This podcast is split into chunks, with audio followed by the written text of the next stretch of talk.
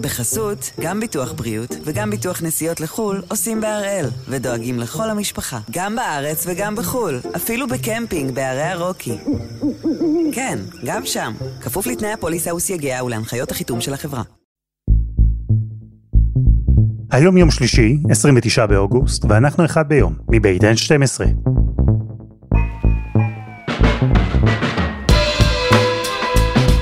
אני אלעד שמחה יופי, אנחנו כאן כדי להבין טוב יותר מה קורה סביבנו, סיפור אחד ביום, בכל יום.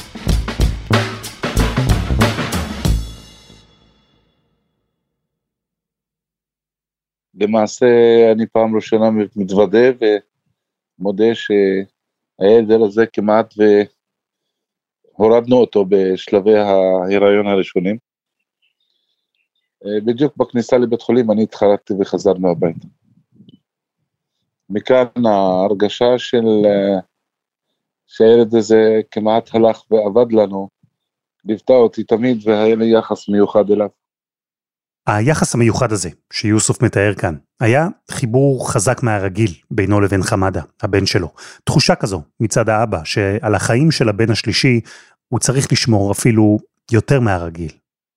קודם כל הוא היה ילד, תמיד אמרתי שהילד הזה יחזיק את החשבונות של המשפחה.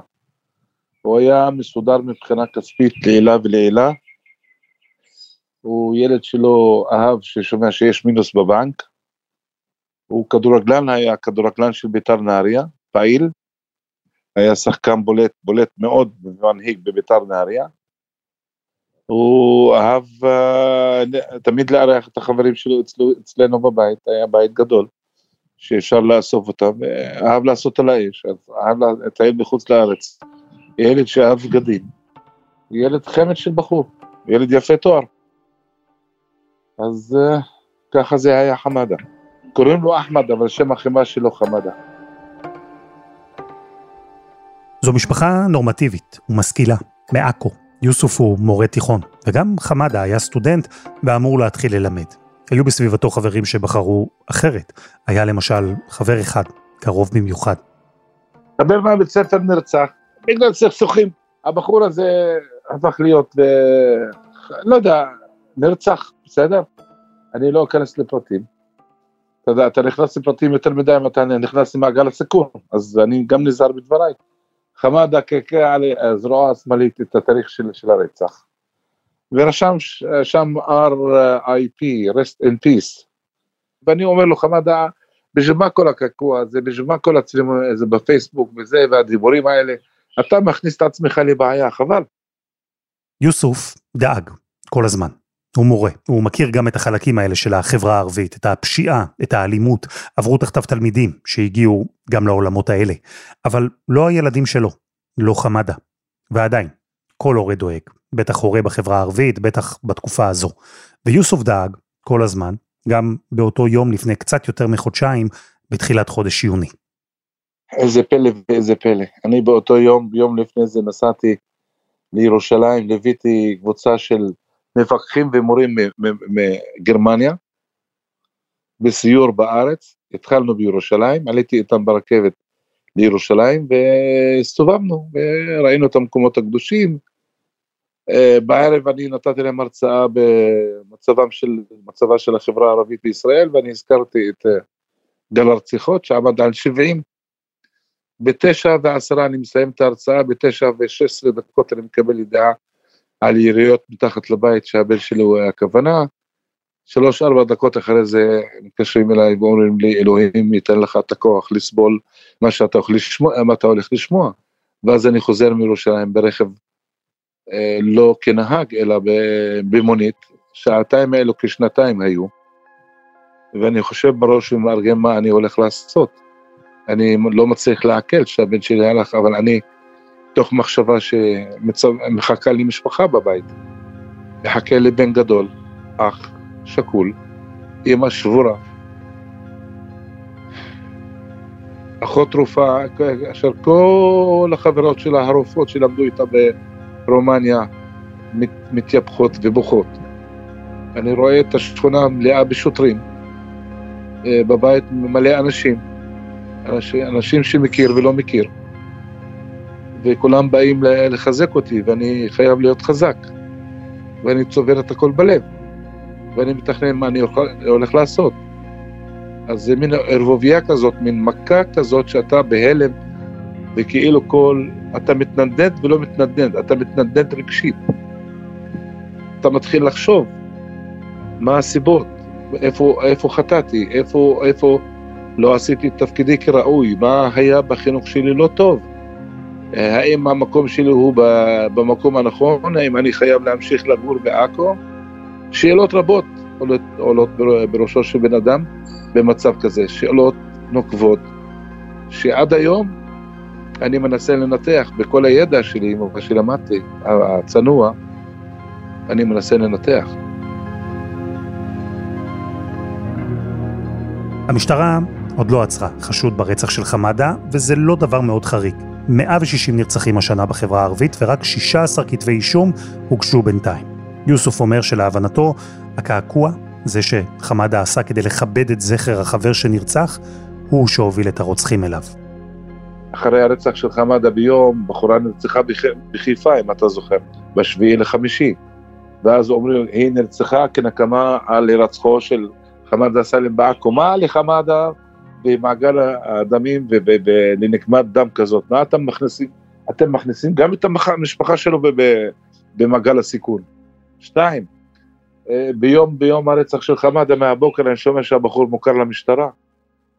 הבחור שלושה, ארבעה חוד, ארבע חודשים לפני שהוא נרצח, הביא תעודת יושר מהמשטרה אל משרד החינוך, והוא הפך להיות מורה מתמחה בבית ספר יהודי, בית ספר יסודי, בית ספר כצנלסון בנהריה. אז מה הדייסה הזאת? כאילו אתה, אתה יודע שבתור תקשורת אתה אמור לשרת את העיקרון של uh, זכות הציבור לדעת, ואז אתה מטעה ואתה מעצב את דעת הקהל כשאתה אומר הוא מוכר למשטרה. אז בן אדם רגיל יגיד, אה, אתה יודע מה, שיחסלו אחד את השני, אלו מוכרים למשטרה. מה אכפת לי? במקום שזה אני שרציתי לגייס את החברה היהודית למען מאבק חוקי ודמוקרטי, כדי ללחוץ על המשטרה והממשלה לעשות את תפקידה כראוי בהגנה על האזרחים, על כל האזרחים, או ביניהם האזרחים הערבים. יש לו הרבה מחשבות על מה שקרה, לחמאדה ובכלל, לחברה שממנה הוא בא. למה דווקא עכשיו נשברים בחברה הערבית שיאים של אלימות ושל פשע?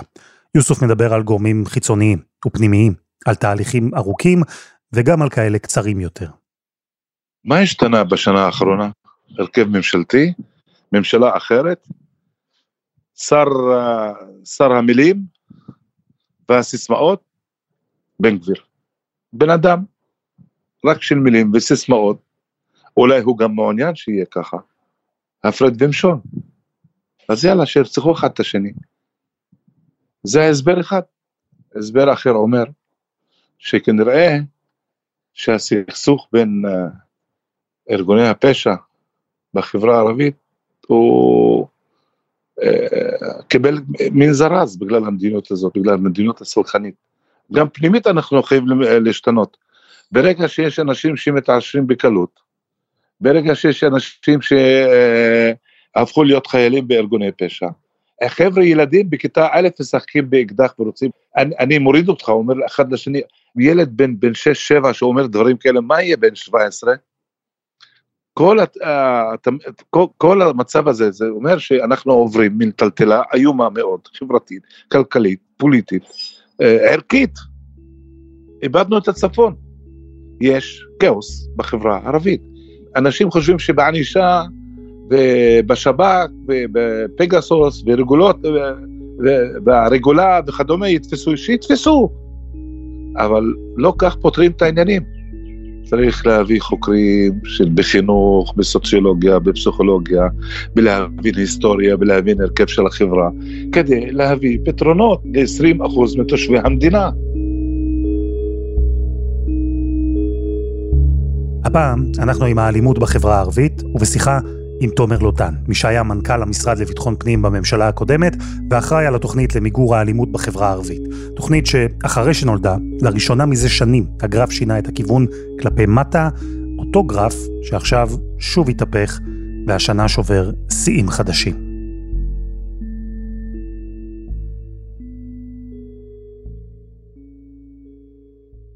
תומר שלום. שלום אלעד. יש לך תואר שני במדיניות ציבורית, אתה איש מפלגת העבודה, ועמדת בראש מטה מגן ישראל, התוכנית הלאומית למאבק בקורונה. כשקיבלת את ההצעה מעומר בר-לב להתמנות כמנכ"ל המשרד לביטחון פנים, איך הגבת?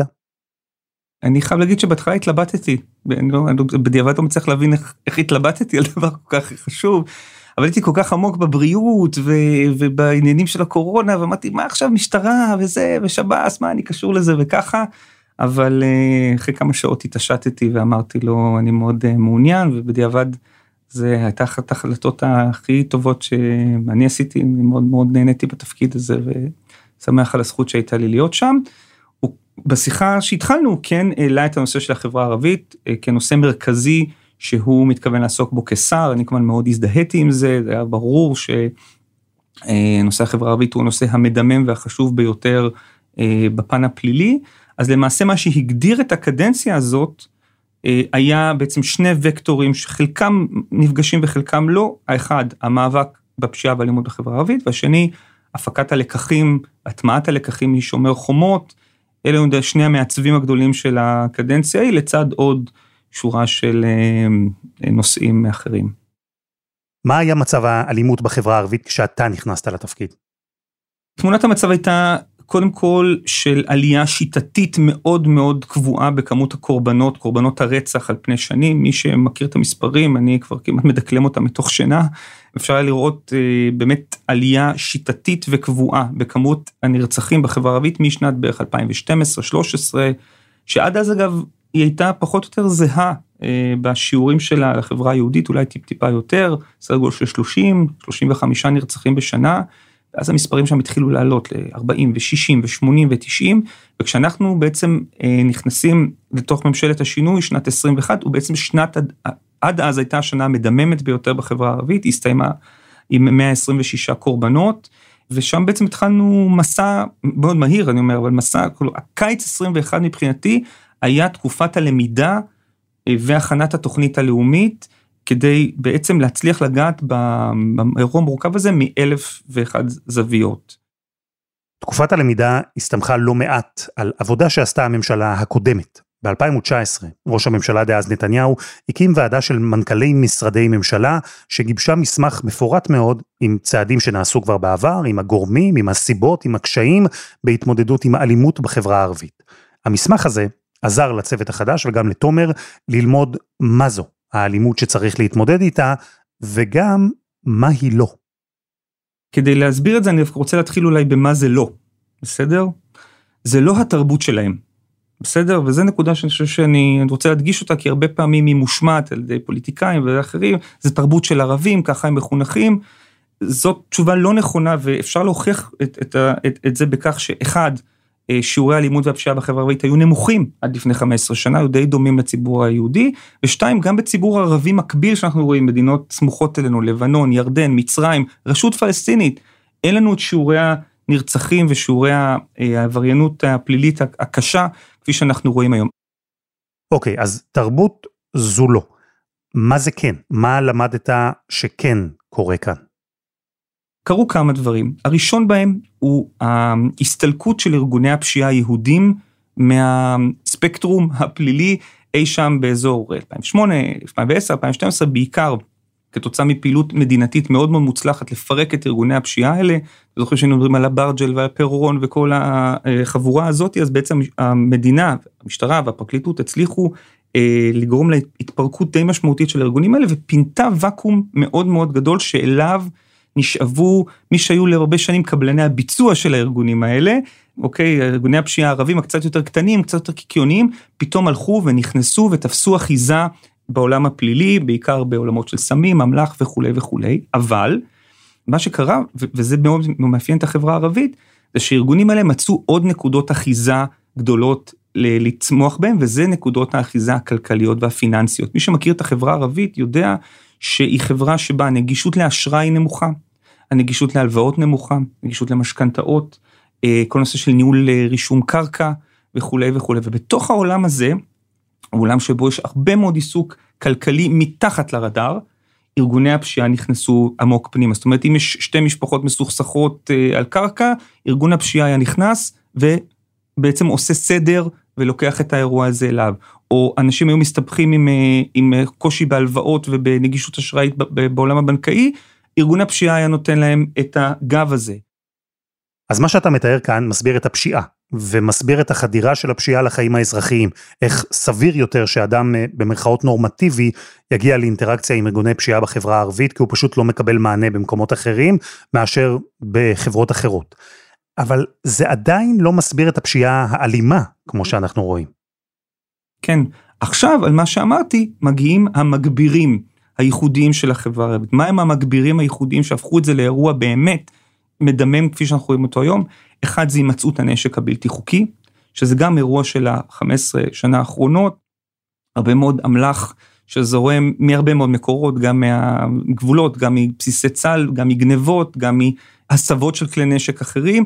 זאת אומרת, ככל שיש יותר פחד, אז אנשים יותר רוכשים נשק, אנשים יותר מחפשים נשק, זאת אומרת, אנחנו מוצאים היום סיטואציה שאפילו במשפחות נורמטיביות בחברה הערבית, זאת אומרת, האבא רוקח, האמא מורה, יכול להיות נשק בחצר, כי המשפחות האלה פשוט מפחדות על החיים שלהם, אז, אז, אז הסוציאליזציה היא לרכוש את הנשק, זה לא כי הם רוצים לירות במישהו, זה רוצים להגן על עצמם, אבל אז הנשק הזה זולג, והמעגל הזה הולך ו, ומחמיר.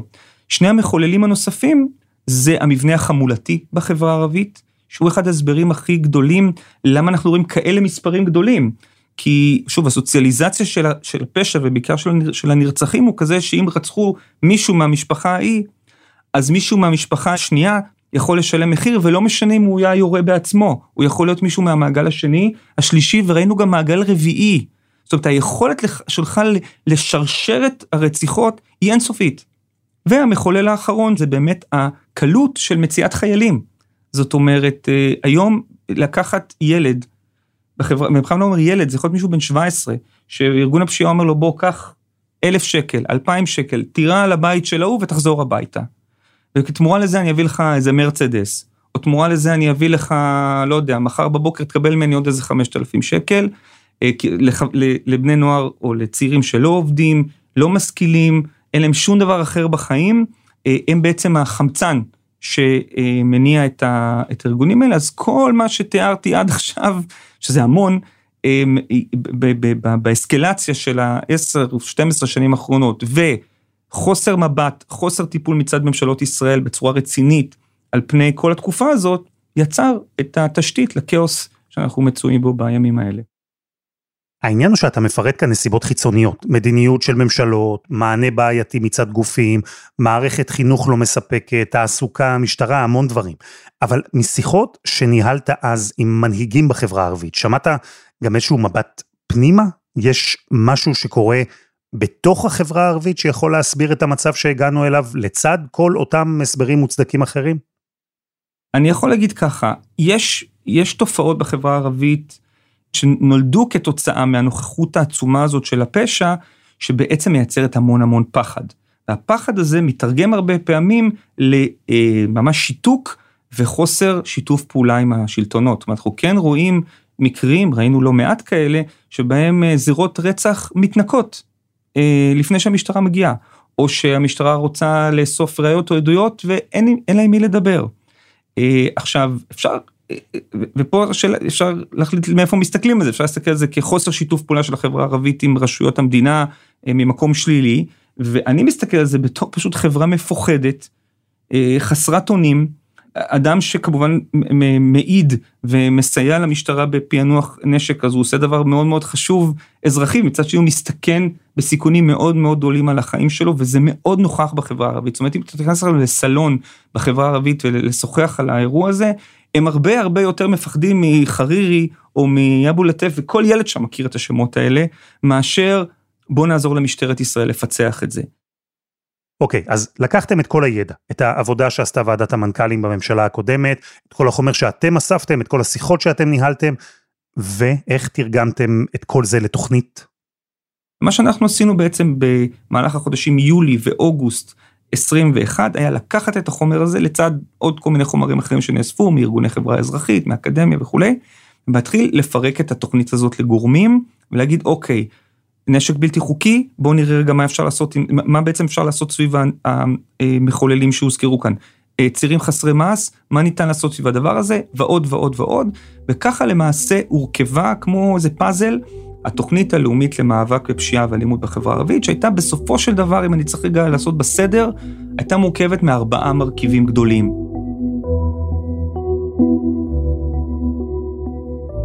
חסות אחת וממש מיד חוזרים.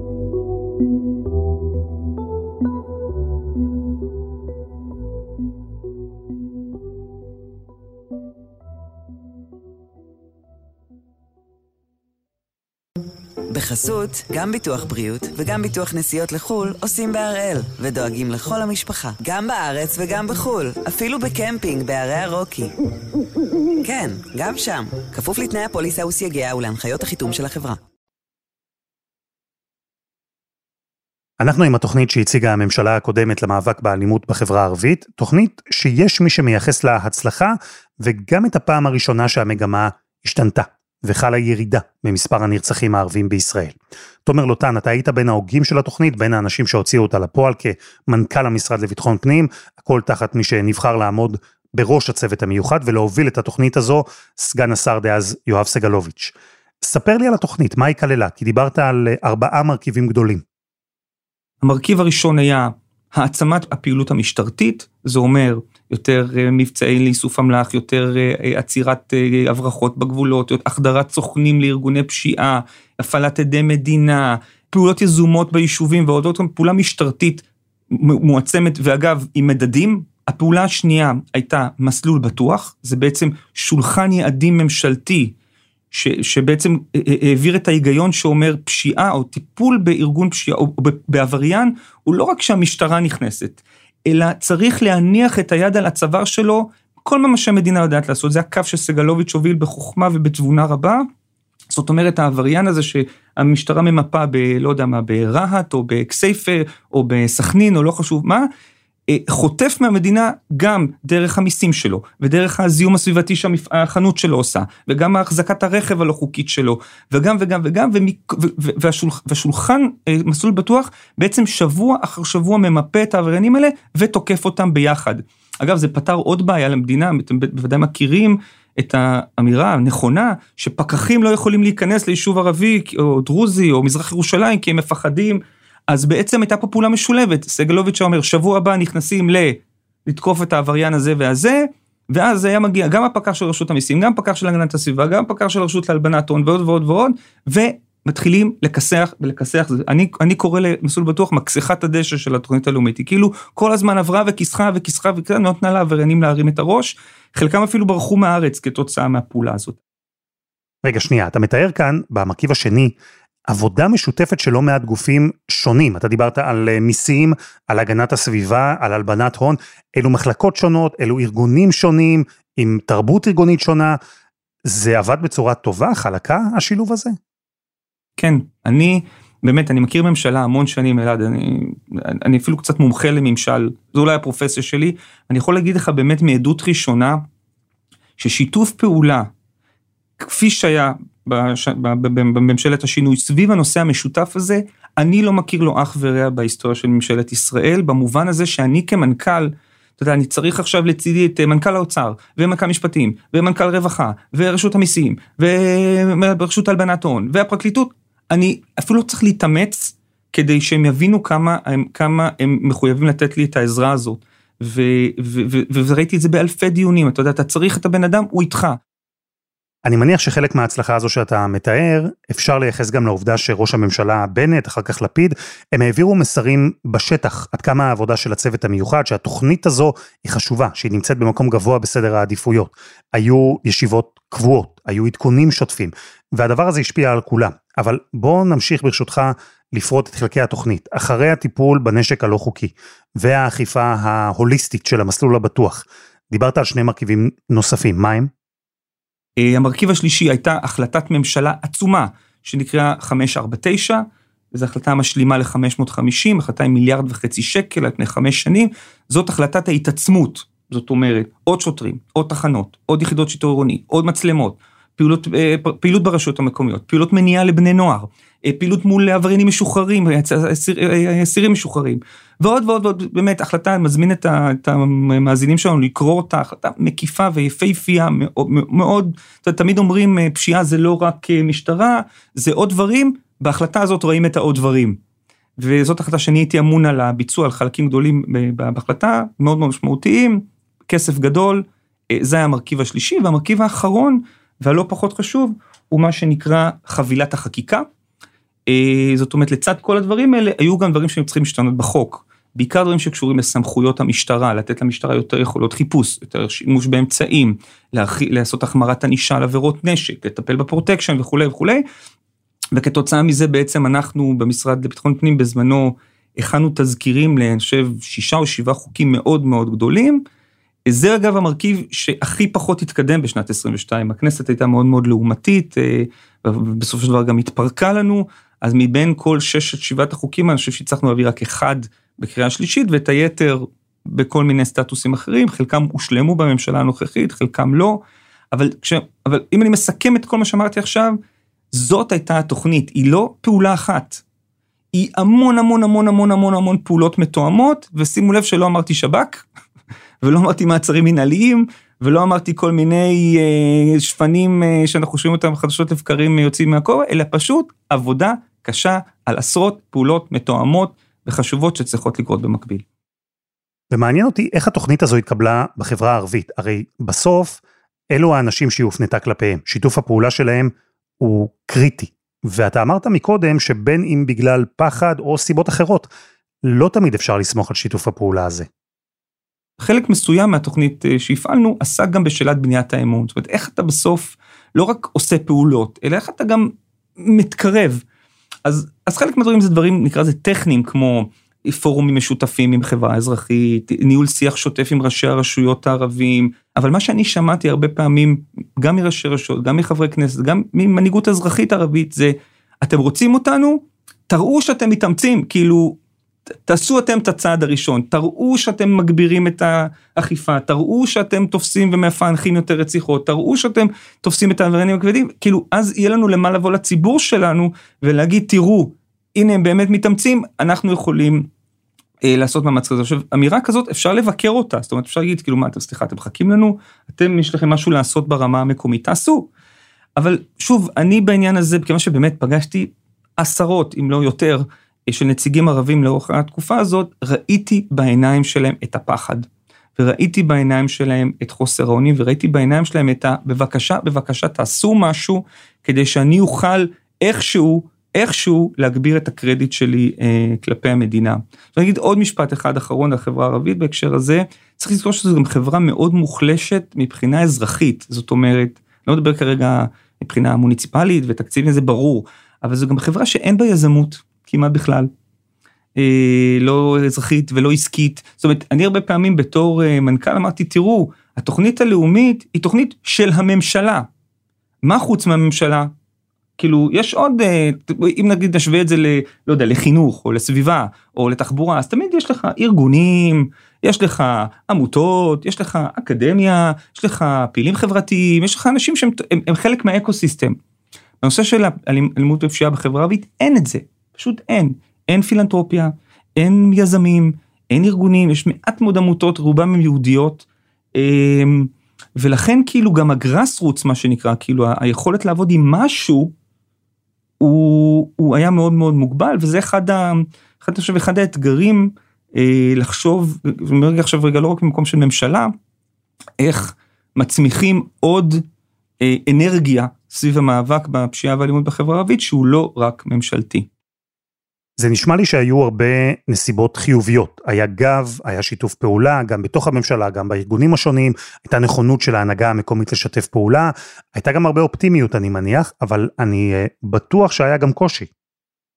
הקושי, אם אתה שואל אותי ברמה האישית, היה בטרגדיות. כאילו, אני חייב לספר לך, זה סיפור, סיפור שאני לא אשכח אותו, ממש, אני זוכר את היום הזה, הראשון לראשון 22. היום שבו כאילו, יאללה, מתחילים. יש תקציב, יש חקיקה, יש תוכנית, יש הכל. ביום הזה נרצח עלי, ילד חמוד בן חמש בביר אל מכסור מכדור טועה.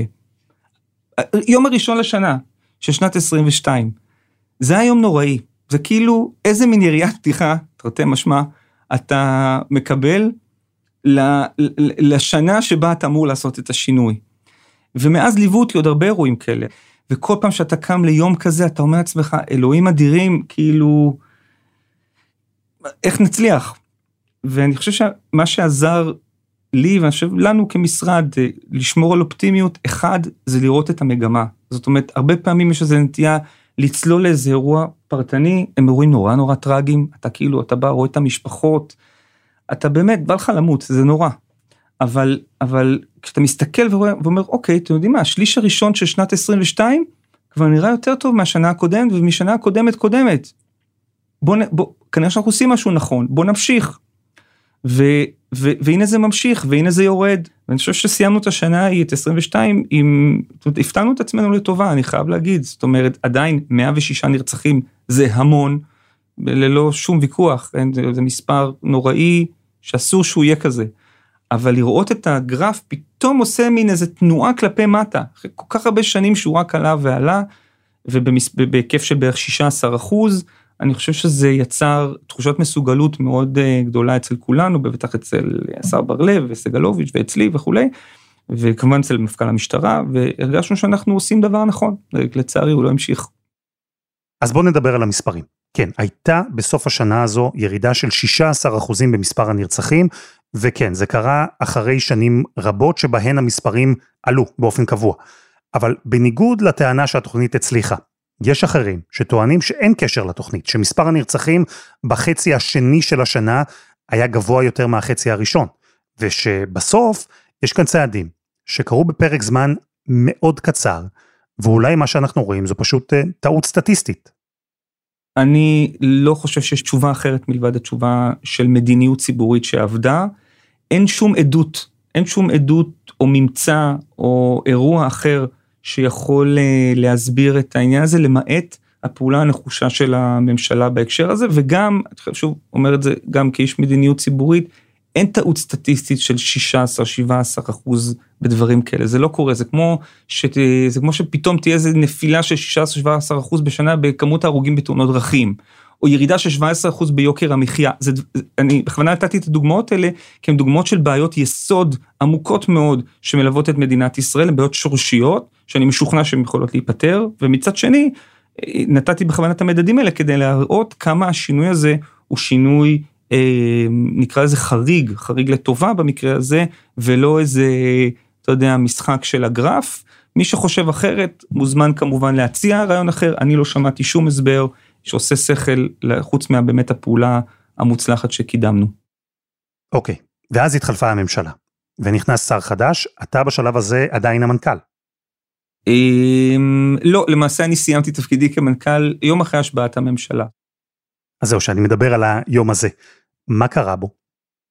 אמ, מה קרה בו? אה, הממשלה הושבעה שזה היום חמישי בערב או משהו כזה, ביום שישי בבוקר כבר למחרת אה, השר בן גביר הגיע למשרד, עשינו אה, מעין שיחת, שיחה, לא יודע איך לקרוא לזה, של כשעה, במהלכה אני תיארתי את הדברים העיקריים שעסקנו בקדנציה, ובסופה גם אני וגם הוא הבענו את הרצון בעצם שאני לא אמשיך במשרד.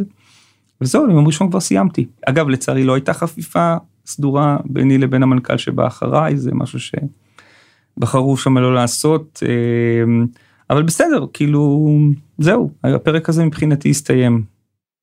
בשעה הזו, בשיחה שלך עם בן גביר, התוכנית למיגור האלימות בחברה הערבית עלתה? בהחלט, אה, בפירוש אה, סיפרתי ועדכנתי על התוכנית הזאת, וגם אני זוכר את עצמי מה שהוא אומר, אומר לו, השארנו לכם נדוניה מאוד מאוד מאוד טובה, מאוד, תשמרו עליה.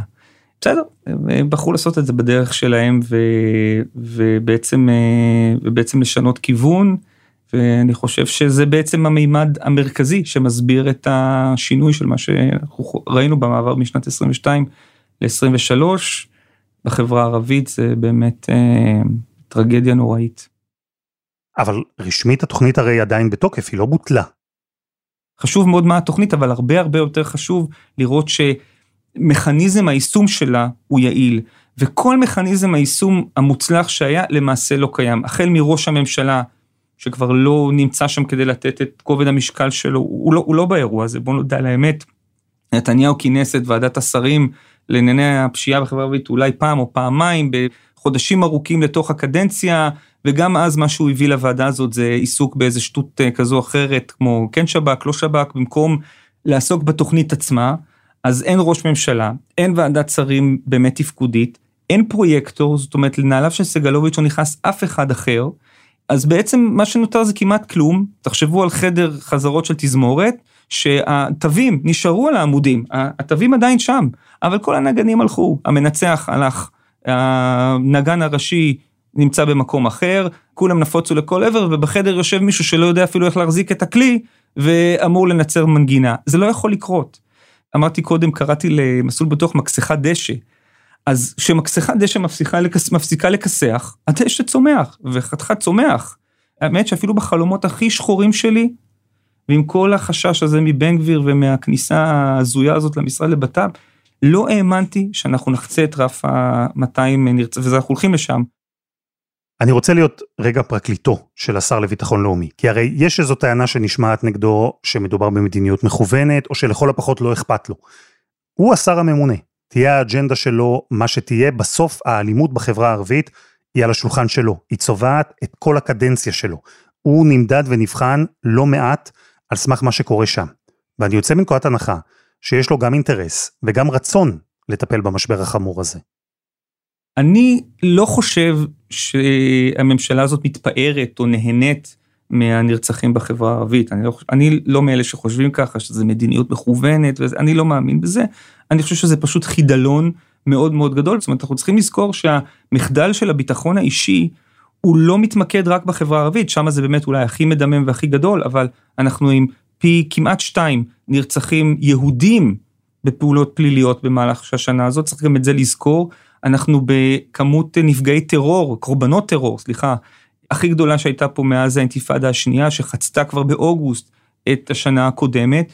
זאת אומרת, החידלון של הביטחון האישי הוא הרבה הרבה יותר רחב וטוטאלי רק מהדוגמה של החברה הערבית.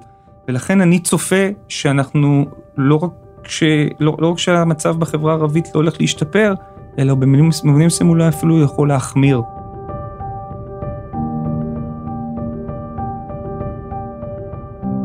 תומר לוטן, תודה רבה.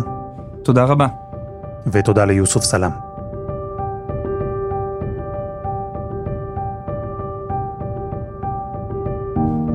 וזה היה אחד ביום של N12. אנחנו מחכים לכם בקבוצה שלנו בפייסבוק, חפשו אחד ביום, הפודקאסט היומי. העורך שלנו הוא רום אטיק, תחקיר והפקה, שירה הראל, רוני ארניב, עדי חצרוני ודני נודלמן. על הסאונד יאיר בשן שגם יצר את מוזיקת הפתיחה שלנו, ואני אלעד שמחיוף. אנחנו נהיה כאן גם מחר.